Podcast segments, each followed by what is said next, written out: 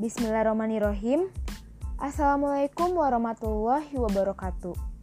Halo semua, selamat pagi, selamat siang, selamat sore, selamat malam, di mana pun kalian berada dan kapan pun kalian mendengarkan. Semoga kita semua selalu berada dalam keadaan sehat walafiat dan selalu dalam lindungan Allah Subhanahu wa Ta'ala. Amin ya Robbal 'Alamin. Baik, sebelumnya izinkan saya untuk memperkenalkan diri terlebih dahulu.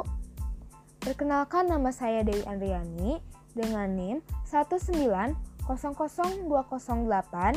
dari kelas PKN 2019A Fakultas Pendidikan Ilmu Pengetahuan Sosial Universitas Pendidikan Indonesia. Saya dari kelompok 3.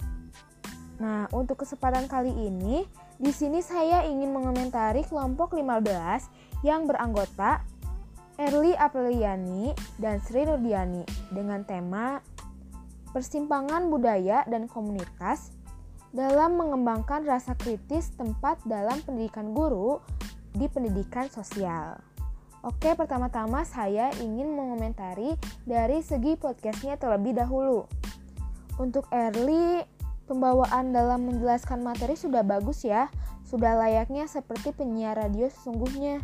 Suaranya juga sudah jelas, materinya pun dapat diterima dengan baik. Begitu pula dengan Sri. Materi juga sama sudah dapat diterima dengan baik.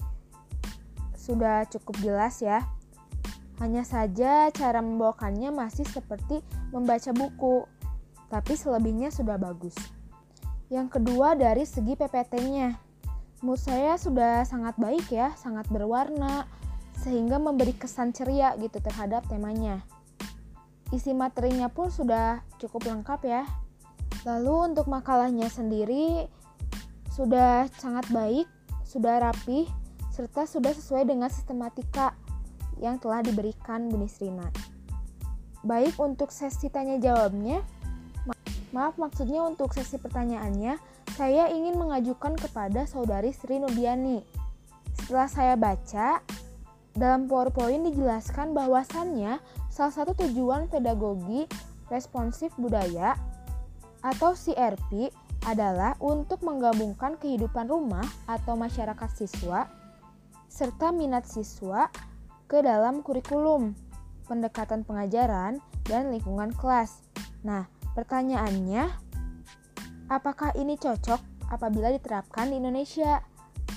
Mohon penjelasannya ya jika ia mengapa dan jika tidak mengapa. Sekian dari saya, terima kasih atas kesempatannya. Wassalamualaikum warahmatullahi wabarakatuh.